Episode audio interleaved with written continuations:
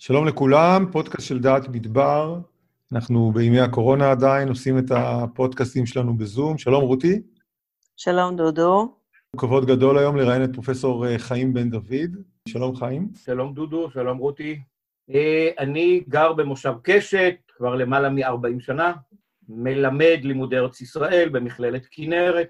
איך כל הנושא הזה מתחבר למדבר? הוא מתחבר גם מתוך אהבת uh, מדבר uh, כבר, אני יודע, מגיל תיכון, uh, לברוח מבית הספר וללכת את מסלול עין גדי, מצדה, אי שם בגיל 14-15, uh, וממשיך הלאה בהרבה טיולים בסיני. אחר כך הקישור העיקרי, שהוא גם הקישור לעיסוק בדרכים עתיקות, הוא בעצם דרך, אה, מאז הסכם השלום עם ירדן, אה, עשרות, עשרות גיחות אה, בעצם לסיורים בעבר הירדן, שלב ראשון של אתרים, שלב שני להכרת תאי שטח, ובעקבות ממש גילוי מקרי של דרך עתיקה שאף אחד לא הכיר אותה קודם, שמורה מהטובות במזרח התיכון, דרך אה, שמטפסת מאזור ים המלח אל דרום במת הרי מואב, לאיזה גובה ממינוס 400 לגובה 1,200 מטר במדרונות פראיים, אה, זה מכניס אותי, זה סיפור של כבר איזה 30 שנה, זה, זה מכניס אותי בעצם לעולם חקר הדרכים העתיקות. קודם לכן עסקתי בהרבה סקרי שטח, בעיקר באמת ברמת הגולן, סקר בתי בד, סקר בתי כנסת, סקר אה, אתרים עתיקים, דרך המפגש עם כלי החרס שלהם. אז המפגש עם השטח וקריאת השטח, הייתה לי משהו שככה הסתובבתי איתו בכמה וכמה נושאים, ומפגש מקרי עם דרך עתיקה, מהר מאוד הבנתי שבעצם אף אחד לא מכיר אותה, הכניסה אותי קצת אה, עמוק יותר לעסוק אה, במחקר וזה אני עוסק הרבה בשנים האחרונות, אה, מחקר הדרכים העתיקות, דרום ירדן וגם הנגב. אולי תספר לנו קצת אה, על דרך הבשמים, שאני מבין שאתה עוסק במחקר שלה בשנים האחרונות. אה, אני מניח שהרבה מאוד אנשים שמעו על דרך הבשמים, אבל אני לא בטוח שהתובנה שה... הרחבה למה היא שימשה בהכרח נמצאת אצל כולם. כן, דרך הבשמים, או אולי יותר נכון להגיד דרכי הבשמים, הוא מושג רחב וכלל, אפשר להגיד, מזרח תיכוני. אה, אנחנו מדברים על אה, הובלה של מוצרי בשמים מובחרים, בעיקר המור והלבונה, שבעולם העתיק, אי שם כבר בתוך תקופת הברזל, תקופת המקרא, הכירו בבשמים האלה כייחודיים, והבשמים האלה, המור והלבונה, שהם בעצם עצים, שבעצם חיתוך העץ והשרף הנוזל ממנה הוא המקור לבשמים, אלה עצים יותר עם, מהעולם הטרופי, והם גדלים בטרום תימן, הם גדלים באומן, הם גדלים בסומליה, הם גדלים בהודו, אבל לא ממש באזור המדברי הקרוב אלינו, אה, והעולם של המזרח התיכון אה, בעיקר הסתמך על המור והלבונה של דרום תימן כמקור לבשמים. הבשמים בעיקר שימשו אה, בצורכי הפולחן, כל אה, הדתות שעסקו בפולחן של קורבנות, והיו רבים כאלה, נזקקו בעצם, הייתי אומר את זה במילה מודרנית, נזקקו לכמויות אדירות של ספרי, של מטהר אוויר. הרי עבודת שחיטת בהמות היא מעבר לסוגיה עצמה, היא לא המקום הכי סטרילי, בטח לא מבחינת הריח, והמקדשים מעוניינים בקליטת קהל עצום ורב, אז איך פותרים את הבעיה של משיכת קהל למקום שלכאורה מדיח ריח לא טוב? הפתרון הוא על ידי הבשמים, על ידי הקטורת, על ידי ריחות נעימים. והמור והלבונה הוכרו על ידי כל העולם העתיק כבשמים המובילים והטובים.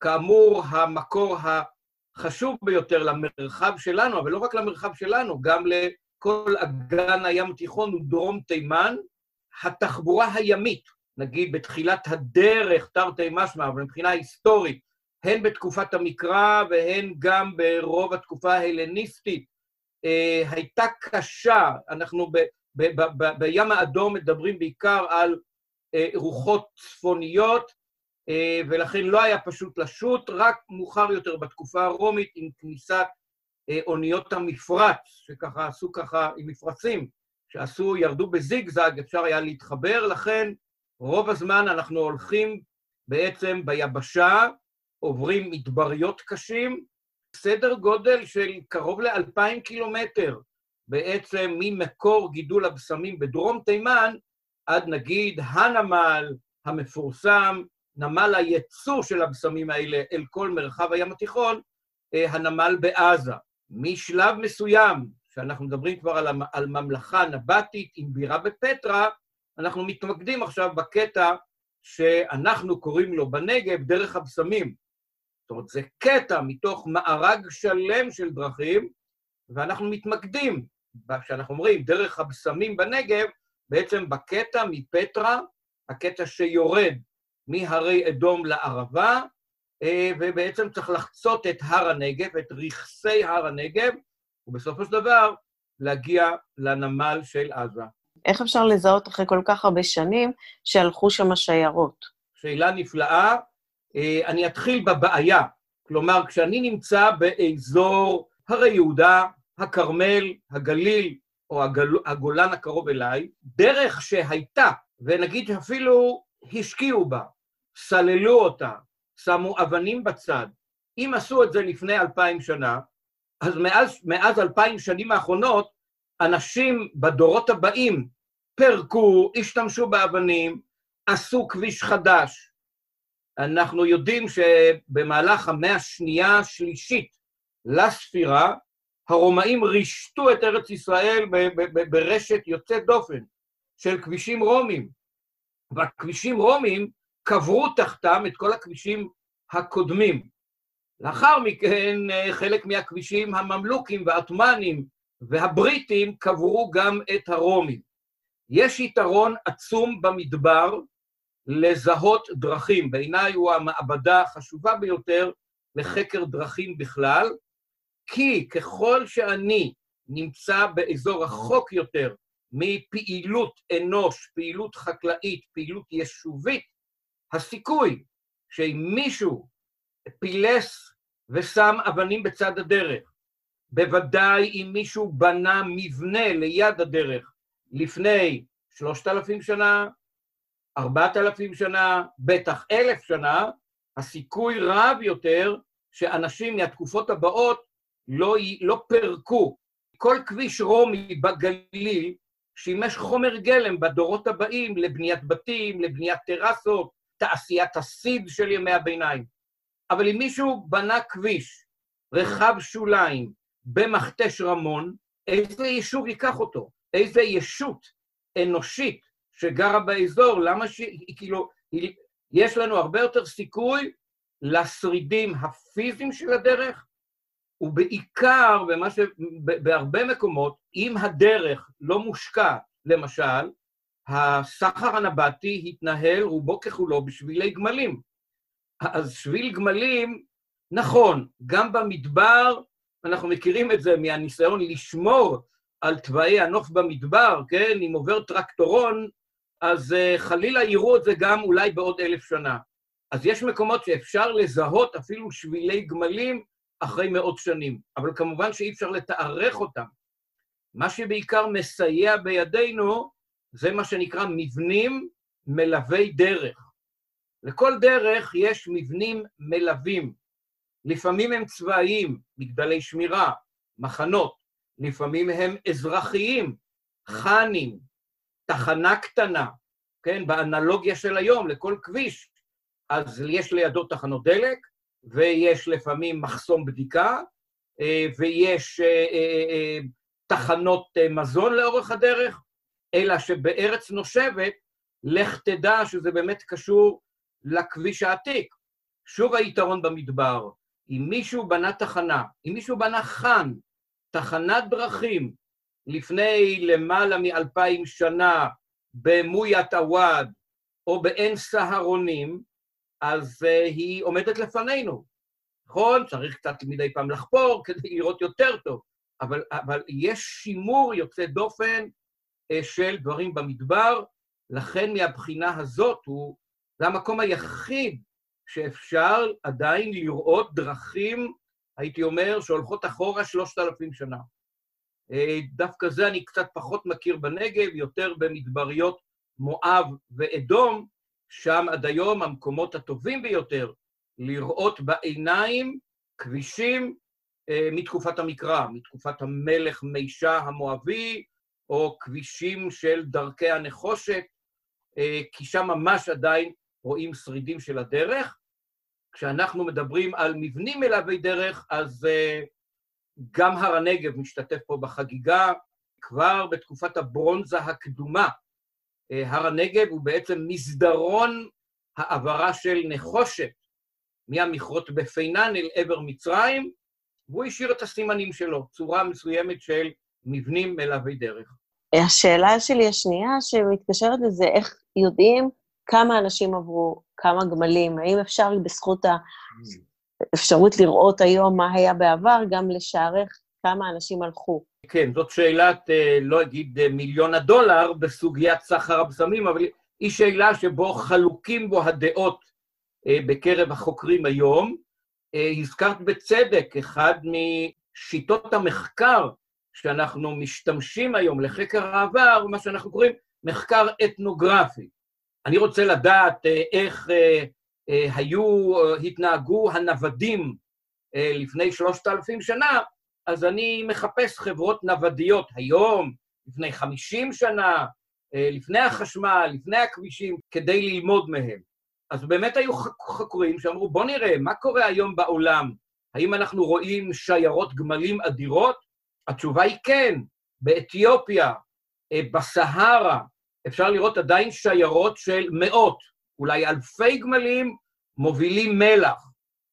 עדויות טובות מאוד יש לנו מלפני 150 שנה, אולי אפילו קרוב ל-100 שנה, על שיירות אדירות, שוב עם אלפי גמלים, של עולי הרגל המוסלמים למכה, והם צריכים לעבור מדבריות. כל אלה שבאים מהמגרב צריכים לחצות את חצי האי סיני, ויש תיאורים נפלאים על שיירות אינסופיות. השאלה, האם אפשר ללמוד מדרב אל-חד, שזה מעבר של עשרות אלפי אנשים, האם אפשר ללמוד ממלח, שהוא חומר אה, שהוא שוקל הרבה, אבל ערכו לא רע, הוא מאוד חשוב לאנשים, אבל כל בלוק מלח לא שווה הרבה כסף, אלא רק אה, עשרות הקילו, ואז אני צריך שיירה אדירה. האם ראוי להשוות את זה למסחר של מור ולבונה, הייתי אומר בקבוקון אחד של לבונה, למיטב ידיעתי שווה אלף גמלים נושאי מלח. כלומר, האם אני צריך לדמיין שיירות ענק, או שאני צריך לדמיין אה, משאית או מכונית ברינקס שמעבירה אה, חומר יקר עם כמה מלווים, בהחלט החוקרים שעוסקים בדרכי הנגב וחלוקים בדעתם. אה, עוזי אבנר, חוקר אזור אילת, אה, מוביל את הכיוון שתמיד דובר גם בדרך הבשמים על מאות, אולי אלפי בשמים.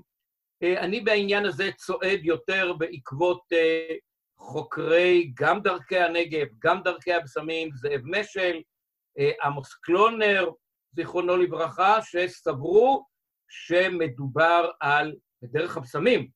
מדובר על קבוצות קטנות שפחות או יותר יכולות להיכנס לכאן.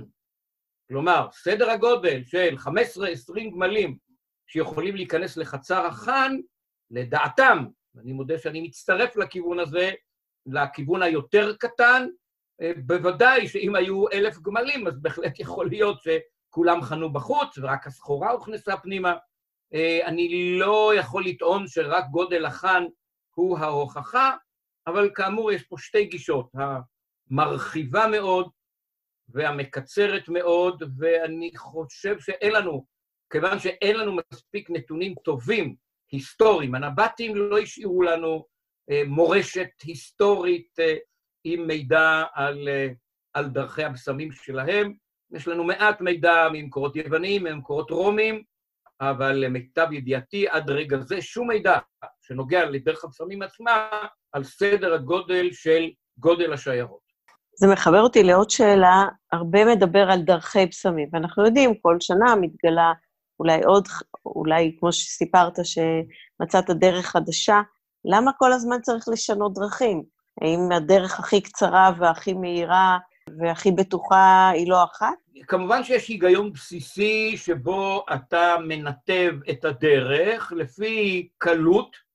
אה, זה לא חייב להיות תמיד הדרך הכי קצרה, כי אם הדרך הכי קצרה מחייבת אה, לעלות אה, במצוק גבוה, אז כמובן שאני אעדיף לעשות עיקוף, ללכת קצת יותר, אז, זה איזשהו שילוב של מרחק, נוחות ההליכה, מקורות מים.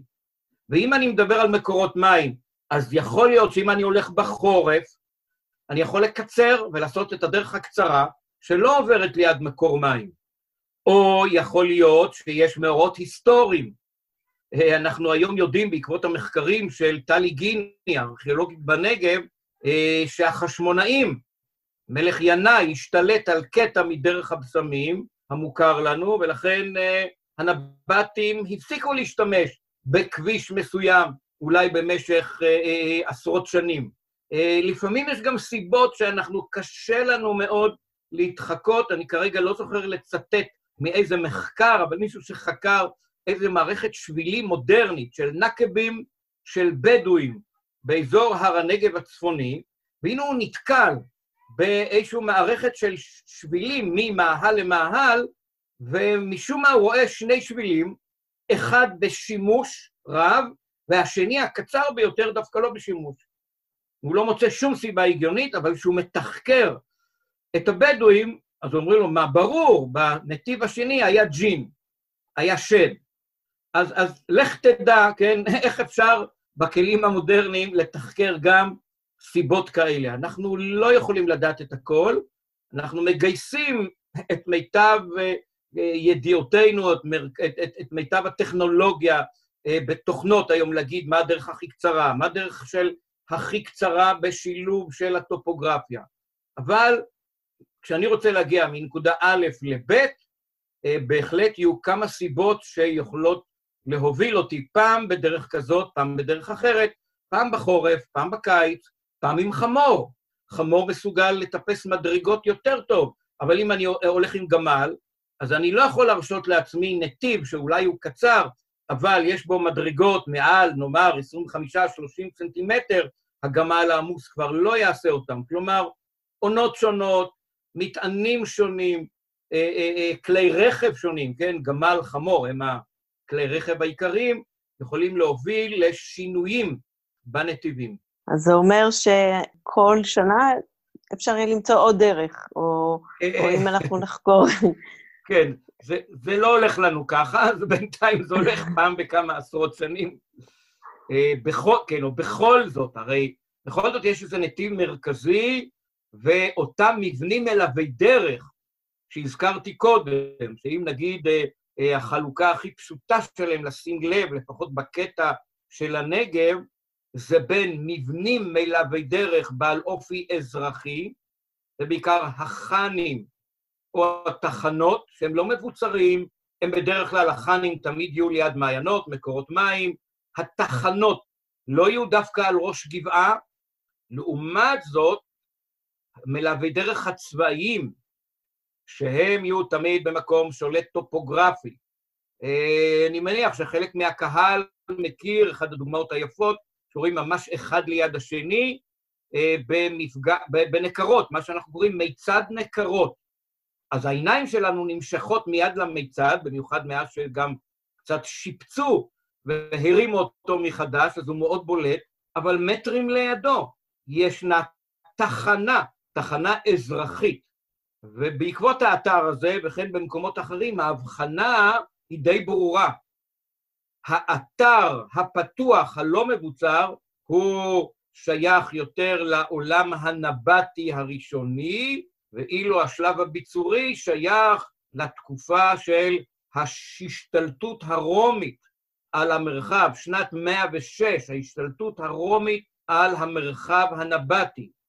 נבטים ממשיכים לחיות, ממשיכים ליצור, ממשיכים להוביל את השיירות, אבל משנת 106 ראש חדש נכנס לאזור, אה, הראש הרומי, והוא מכניס יותר ויותר את מבני מלווי דרך הצבאיים. אז יש פה הבחנה גם בתפיסה, אבל ההבחנה הזאת, בעקבות חפירות בחלק מהמקומות, מאפשרת לנו לעשות גם הבחנה כרונולוגית בין שני הטיפוסים האלה של מבנים מלווי דרך. זה דומה גם למצעד מחמל, שיש שם שני מבנים?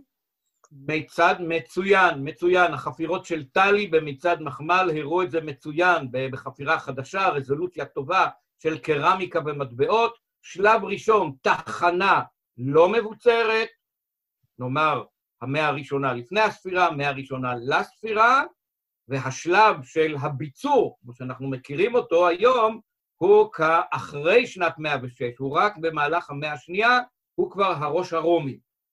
הנבטים הולכים על גמלים, המדבר שלהם, אה, אני מניח שפה ושם יש להם איזושהי שמירה אולי שלהם, של גמלים שלהם, אבל הראש שלהם הוא לא הביצורים המלווים.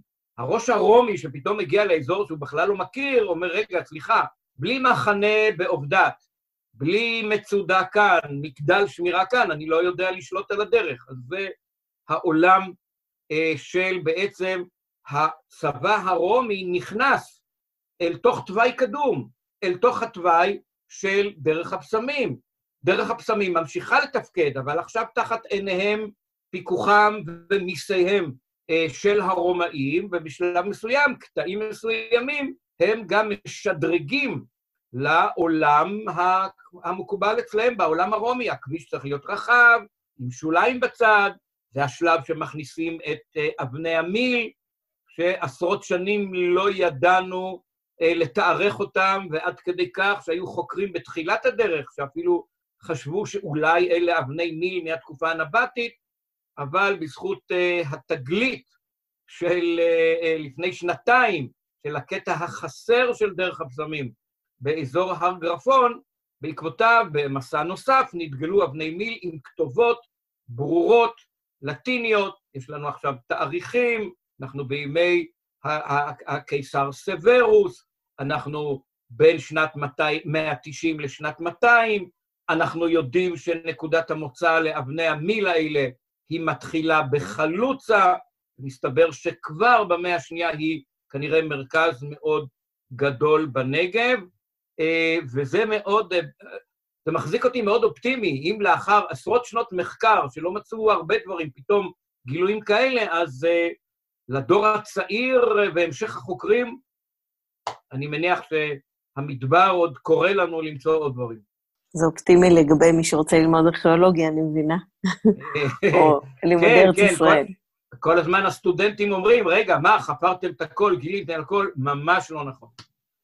ממש, ממש נשאר הרבה. כן, נשמע כמו לגלות אה, דברים חדשים אה, ארכיאולוגיים מהעבר, זאת חוויה, אולי באמת תספר לנו על איזשהו אירוע ככה, עם, עם קשר או בלי קשר לדרכי הבשמים, שבו באמת הייתה איזו אה, הערה כזאת של גילוי, או אולי יותר מאחד. טוב, אני, נחזור, בוא נאמר, נחזור קצת באמת פה, פה היה סדרה, באמת, סדרה של גילויים שקשורים באמת לקטע החדש, את הקרדיט הראשון צריך לתת uh, לזיו, זיו שרצר מבית ספר שדה שדה בוקר, uh, בעקבות חזון uh, כבר של כמה שנים, של המטייל, שוק הרווק, שאמר בואו נחזור לטייל על דרך הבשמים, נלך ברגל, ותכננו באמת ללכת ברגל מפטרה לשדה בוקר, ובית ספר שדה שדה בוקר קיבל עליו את הלוגיסטיקה של אזור הנגב, וזיו, שהתחיל להתכונן, אמר, נורא מוזר, יש קטע מוכר על ידי המחקר הבסיסי של מי שהיה אז מדריכים בוגרים בבית ספר שדה, שדה בוקר בסוף שנות ה-60, תחילת שנות ה-70, זאב משל ויורם צפריר, והנה הם מגלים קטע יפה, רחב, עם אבני מיל, באזור רמת נפחא, קרוב לעבדת, הם מגלים קטע רחב עם אבני מיל בתוך מכתש רמון, ובאמצע קטע של איזה שבעה, שמונה קילומטר ללא שום דבר. אה, טוב, כנראה לא נשאר שום דבר. זיו לא מוכן לקבל את ה... כנראה לא נשאר שום דבר, אה, והוא אה, מחליט בכל זאת לבדוק את השטח, ואז הוא עולה על הרמז הראשון. הוא שומר את זה די לעצמו, אני מוכרח להגיד, בצדק, אבל הוא כמובן רוצה לשתף את כל החבורה הגדולה, עשרות אנשים שהולכים לעשות את הדרך. ערב קודם, לפני הקטע החדש, אנחנו מקבלים אישור מיוחד מהרט"ג לישון בראש מעלה מחמל. אה, מאמצע הלילה מתחיל גשם, הולך וגובר, אנחנו קמים בבוקר לאיזה עיסת בוץ, אה, אבל ברור לנו, נו, אין מה לעשות, אלא ללכת ברגל, כן? אין לצאת משם, אלא רק ברגל, ואנחנו יוצאים, זיו מוביל אותנו אל התחנה שהוא כבר הכיר, אבל בכל זאת, מבחינתי, וואו, כאילו, לראות uh, אבני מיל ששמו אותם שם, מבחינתי, לפני, לא ידעתי עוד את התאריך, אבל אלף וכמה שנים, ועשרות חוקרים חוקרים את הנגב ולא מוצאים אותם, והנה אנחנו פוגשים אותם. ואז זיו אומר, אוקיי, אני מצאתי את זאת, אנחנו חבורה גדולה, בואו נמדוד עכשיו, מיל, הפירושה מילה אלף. אלף מה? אלף צעדים כפולים. חייל הולך שמאל-ימין, אז אלף פעמים שמאל-ימין, חייל רומי היה נמוך, ולכן אה, הוא עשה אלפיים את השמאל-ימין, אלף פעמים שמאל-ימין, הוא הגיע רק ל-1,400, 1,500 מטר, אנחנו מודדים, וזיו אומר, כאן באזור צריך להיות, יורד גשם, האזור קצת מוצף, מסתכלים על השטח, והנה אני כמעט דורך, והופ, אני מוצא אבן מיל, שמחה, התרגשות גדולה, ממשיכים הלאה לעוד תחנה, אה, בסיכום אותו יום, שבאמת החבורה כולה גילתה עוד ועוד, מסתבר שחסרה לנו, לנו תחנה אחת. למרות שמדדנו, וכשזיו אמר, פה, תחפשו, אנחנו מסתכלים ימינה ושמאלה, רואים איזה נחל שכבר קצת זרם, לא שיטפון גבוה, אבל נחל שזרם ולא רואים כלום. אני אחרי חודש חוזר עם סטודנטים שלי. אני פעם, ב, פעם בשנתיים מעביר קורס שנקרא קמפוס מחקרי, אה, דרכים עתיקות בנגב, אה, ואני משנה כמובן את התוכניות הרגילות, אה, מקבל במאמץ רב אישורים מיוחדים, גם רט"ג, גם שטח אש של צה"ל, ואנחנו צועדים בקטע החדש, והמשימה של הסטודנטים, אני אומר להם, אנחנו צריכים למצוא את התחנה החדשה. מגיעים לתחנות הקודמות, בינתיים בכל תחנה, אגב, מגלים עוד אבנים נוספות, כי אנחנו עכשיו ממוקדי חיפוש ומשקיעים בזה, כולל באחד התחנות איזו תחילתה של כתובת, אבל לא ממש. אה, סופרים את ה-1500, 1450, ותוך שנייה הסטודנטים אומרים לי, מה, הנה, אתה לא רואה פה אבן. ועוד קבוצה אומרת, עוד אבן. בשחזור לשעבר הסתבר לי, כן, כל האבנים האלה היו בתוך ערוץ נחל, ובמסע הראשון היה הכל מתחת למים. הסטודנטים, ואני יחד איתם, מסתערים על האבנים, ככה מלטפים אותם בידיים, וכשלא רואים בידיים אז uh, מישהו מוציא כפית, מישהו מוציא מזלג, ולאט לאט שולפים את האבנים, אה, ובאמת התרגשות גדולה, כי בפעם ראשונה שאנחנו בעצם יכולים לראות אה, כתובות. עד עכשיו, אה, כבר הרבה שנים, היו לנו אבני מי ללא כתובות, וזה אפשר המון ספקולציות לכאן או לכאן. המפגש עם הכתובות וקריאה כבר בשטח, כולנו ראינו את המילה סוורוס, הייתה אחת מיני כמה אה, ימים מרגשים אה, של מי שחוקר בכלל, חוקר דרכים, של אה, להיות שותף אה, בחוויה של מציאת ממש משהו חדש. נשמע כמו סרט, ממש מרגש לשמוע את זה. אני אומרת, עכשיו צריך רק ספר וסרט, ואנחנו יוצאים לדרך. עד מתי דרך הבשמים הייתה פעילה? כמונח רחב, דרכי הבשמים די פעילות חזק. נגיד כבר אי שם אה, סביב שנת אלף או שנת 900 או 800 לפני הספירה, הן כבר פעילות, לאו דווקא דר, בנתיב שאנחנו מכירים בהר הנגב, הנתיבים הראשונים יותר דווקא עוברים דרך הרי אדום, יורדים לחציבה, היא תמר המקראית, ועולים את מעלה עקרבים לכיוון באר שבע.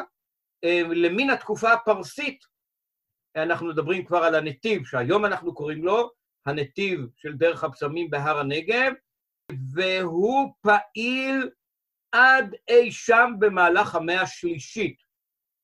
250, 260 לספירה, ואז הקטע שלנו בהר הנגב כבר פחות פעיל, כבר קודם לכן, במקביל, אה, עוברים גם קצת יותר הרומאים לסחר ימי, אבל אחר כך אנחנו מגיעים בעצם אולי המשבר הגדול של סחר הבשמים העולמי, וזה הכניסה במאה הרביעית אה, לעולם ים תיכוני, שלאט לאט הופך מפגני לנוצרי. המקדשים הפגאנים היו הצרכנים האדירים של המור והלבונה, וכשאנחנו עוברים מהתקופה הפגאנית להפסקת המקדשים, להפסקת בעצם שחיטת הקורבנות, כמעט בכל המרחב העולמי, לא שהפסיקו לאכול בעלי חיים, אבל לא, הם כבר לא חלק ממרכזי הפולחן, אז גם הדרישה למור ולבונה מתחילה לרדת ולאט לאט נעלמת כליל. אה, פה ושם עדיין אה, יש אנשים שעד היום יגידו, הוא משתמש בלבונה, לובן בשפה הערבית, אבל לא בכמויות האדירות קוד, ש, שהיו קודם. אנקדוטה שמספר לנו אלכסנדר, או הסופר של אלכסנדר מוקדון, אומר ככה, כשאלכסנדר כבש את עזה, הוא מצא בנמל, נמל של עזה, אנחנו מדברים עכשיו על שנת 331 לפני הספירה, קודם לכן עזה תחת שלטון פרסי, וכבר אז התחנה שמוציאה את סחר הבשמים, כי אלכסנדר מוקדון מעיד, הוא מוצא שם טונות של מור ולבונה. וכתוב שהוא שולח כמות מסוימת ללאונידוס, הפדגוגה, המחנך שלו, והוא אומר לו כך, אני שולח לך כך וכך מור ולבונה לזיכרון הילדות, כי כשאני הייתי נער, ואתה היית המורה שלי, ויום אחד באתי להקטיר קטורת, נזפת בי, ואמרת לי, אל תשתמש בפזרנות, מור ולבונה זה חומר יקר, ועכשיו אני שולח לך כמות הגונה שתפסיק להיות קמצן כלפי האלים. עוד שאלה שמסקרנת אותי, היום שאנחנו מסתכלים על דרכים, בואו ניקח את אה, כביש 6, דרך מודרנית, חוצה את ארצנו, בעקבות כביש 6 יש שינוי במתאר העירוני. זאת אומרת, חושבים להקים פה יישוב חדש, שם יישוב חדש, ויש התייחסות לא, לאותו נתיב חדש. האם גם בתקופה שאנחנו מדברים עליה, של דרכי הפסמים בהר הנגב, יש לנו יותר יישובים או יותר התיישבויות שקשורות לדרכים האלה, או התעבות של יישוב? האם הדרכים האלה מאפשרות משהו חדש בזה שהן חוצות את המדבר? אין ספק שהנקודה הראשונה שהעלית, ודאי בעולם הרחב בכלל, כן, כל דרך, דרכים גדולות, דרך המשי, כן, צומחות לידיהם מרכזי מסחר, מרכזי ענק, אלא שפה אנחנו עוסקים במדבר, ויש לנו מגבלות. כלומר, אם uh, המצרים uh, חוצים, והם יודעים לחצות את הסהרה, זה לא יאומן, אבל uh, הם ידעו לחצות את הסהרה תקופת הברונזה כבר, כן? אגב, עם חמורים, ללא גמלים. הם ידעו לעבור מדבריות. אז כמובן שבאזור הסהרה, אוקיי, תהיה תחנה של מטמון של קנקני מים, אבל לא יצמח שום יישוב. וכן, אם אני מסתכל על הדרכים שחוצות את מדבר סיני, אני לא רואה שצץ איזשהו יישוב. רק כשאנחנו מגיעים ממילא למפגש אפשרי בין, נגיד, אה, המדבר ממש, או הישימון, לבין קצה ארץ נושבת, כמו למשל הר הנגב, שאכן הוא על הקצה, אבל יש לו בכל זאת את הפוטנציאל אה, האפשרי, נמוך, אבל תקופות מסוימות, כן, אנחנו רואים שכן מצליחים להוציא ממנו, אז כמובן שתחנה שמתחילה אולי עם בניין אחד בלבד, ובור מים, למשל, בעובדת, תצמח לאט לאט לאיזשהו מרכז. אם כי בעקבות, נגיד, כבר מחקרים של כמה עשרות שנים, נראה שהמהפך העירוני בנגב איננו קשור לדרך הבשמים. בכלל, במבט רחב אפשר להסתכל על הר הנגב אה, בעצם כרוב חייו, אה, בעצם תחנת מעבר. תחנת מעבר עם תחנות קטנות ופה ושם יישובים, אבל די יוצאים מן הכלל. הוא במשך אלפי שנה תחנת מעבר לנחושת מפינן למרגלות הרי אדום, דרך הר הנגב אל מצרים, ולאחר מכן הוא התחנה של דרכי הבשמים. אז כן, יהיה משהו שיצמח uh, כתוצאה מהיותה של עובדת על הדרך, יהיה משהו שיצמח בממשית, אבל בסופו של דבר הפוש הגדול של הערים הגדולות uh, הוא כבר קשור לתפיסה אחרת, לעולם הביזנטי, לפיתוח uh, וחדירת, נגיד, עולם החקלאות למרחב, אבל כן, התחלה צנועה, אבל התחלה קשורה בהחלט לעובדה של עובדת, חלוצה, ממשית, יושבות על דרכים. רוצה לשאול אותך אה, שני דברים. אחד, לגבי תיירות. אני יודעת שהנושא של המסע מפטרה הוא, זה שבילים לא מסומנים, צריך אישורים ו, וכך הלאה. והאם אתה חושב שיש מקום להפוך את המסע הזה למסע יותר uh, עממי, שגם אנשים יכולים ללכת אותו בלי אירוע uh, יזום כזה שמקסים, של בית ספר שדה זה בוקר? Uh, ובכלל, uh, כל הנושא של תיירות uh, דרכים, בעולם, האם אנחנו יכולים להתחבר אליה גם כאן בארץ? כרגע, צריך להודות, אה, אנחנו בתוך המגבלה הפוליטית אה, של המזרח התיכון, אבל צריך לחלום ולחשוב קדימה.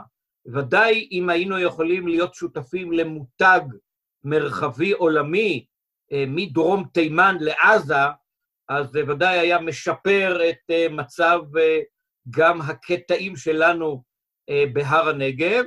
אה, אז א', כן, בהחלט צריך להיערך ולתכנן להיות אה, משולבים במשהו הרבה יותר גדול. זה הניסיונות באמת של שוקה ואחרים, לפחות לחבר אותנו בקטע עם הירדן, עם בין פטרה לבין עובדת. ואני רואה לזה, אם אני מסתכל עכשיו במעגל של הנגב, שתי תועלויות. אחד, התועלת באמת התיירותית, כן, תיירות תוכן, אה, בהחלט למשוך אנשים, להתחבר, ללכת על דרך עתיקה מנקודה א' לנקודה ב', כן, זה בהחלט מחייב להגיע לפשרות עם הרט"ג, או לפתוח את הדרך למטיילים בכל קטע. לא פחות מזה, אני רואה את זה בעל חשיבות אה, ארכיאולוגית. כלומר, אה, בעיניי, שמירה על דרך עתיקה היא בין היתר ללכת עליה. אה, יש נקבים או דרכים עתיקות שיכולות ללכת לאיבוד. אה, אנחנו בקושי מכירים אותן, כבר לא הולכים עליה הרבה, הרבה זמן, לפעמים קשה יותר לאתר אותן. יש פה ושם גם הפתעות, שפתאום אתה כן מגיע לדרך שכנראה לא הלכו על הרבה, אבל אני בהחלט רואה דווקא בהליכה שמירה מסוימת על הדרך. כמובן, כמובן, בתנאי שאנחנו מצליחים למצוא את הדרך שרק הולכים עליה. ודאי לא טרקטורונים, אבל גם לא אופניים. פה באמת נקודה שעם כל החיבה למסלולי האופניים, אה, אם אנחנו רוצים לשמור על תוואי הדרכים העתיקות, אז אנחנו צריכים למצוא את הדרך הנבונה, נכונה, את הקטע של הדרך עצמה העתיקה, אה, לנתב במידת האפשר להולכי דרכים. צריך להודות שכבר בחלק מהמקומות ידינו על התחתונה, קטעים ארוכים של דרך הבשמים היא ממילא כבר דרך עפר, ולא שביל הגמלים העתיק. אדרבה, לכן במקומות הבודדים, שכן שביל הגמלים נשמר, כמו רמת נקרות, במקומות נוספים, אותם צריך בעיניי להשמיש ולשתף את הציבור הרחב. תודה רבה, אני מאוד שמחה שאתה אומר את זה. קטונתי, אבל גם אני כ- כהולכת, כחווה את המדבר ורואה את הדרכים והנקבים הלא מסומנים, ושואלת את עצמי, למה באמת לא משמישים אותם? אה, כי זה מה שישמר. ברור שרק להולכי רגל. אז uh, יש מה לצפות. בהחלט. חיים, תודה רבה לך, היה לנו מאוד מאוד מעניין. ניפגש בדרכים. ניפגש בדרכים. לגמרי. תודה. התוכניות שלנו, כאמור, נמצאות אה, גם באתר שלנו, מדבר.org, גם בספוטיפיי, גם באייטיונס, גם בגוגל. אתם יכולים לחפש אותנו, ותודה רבה לכם.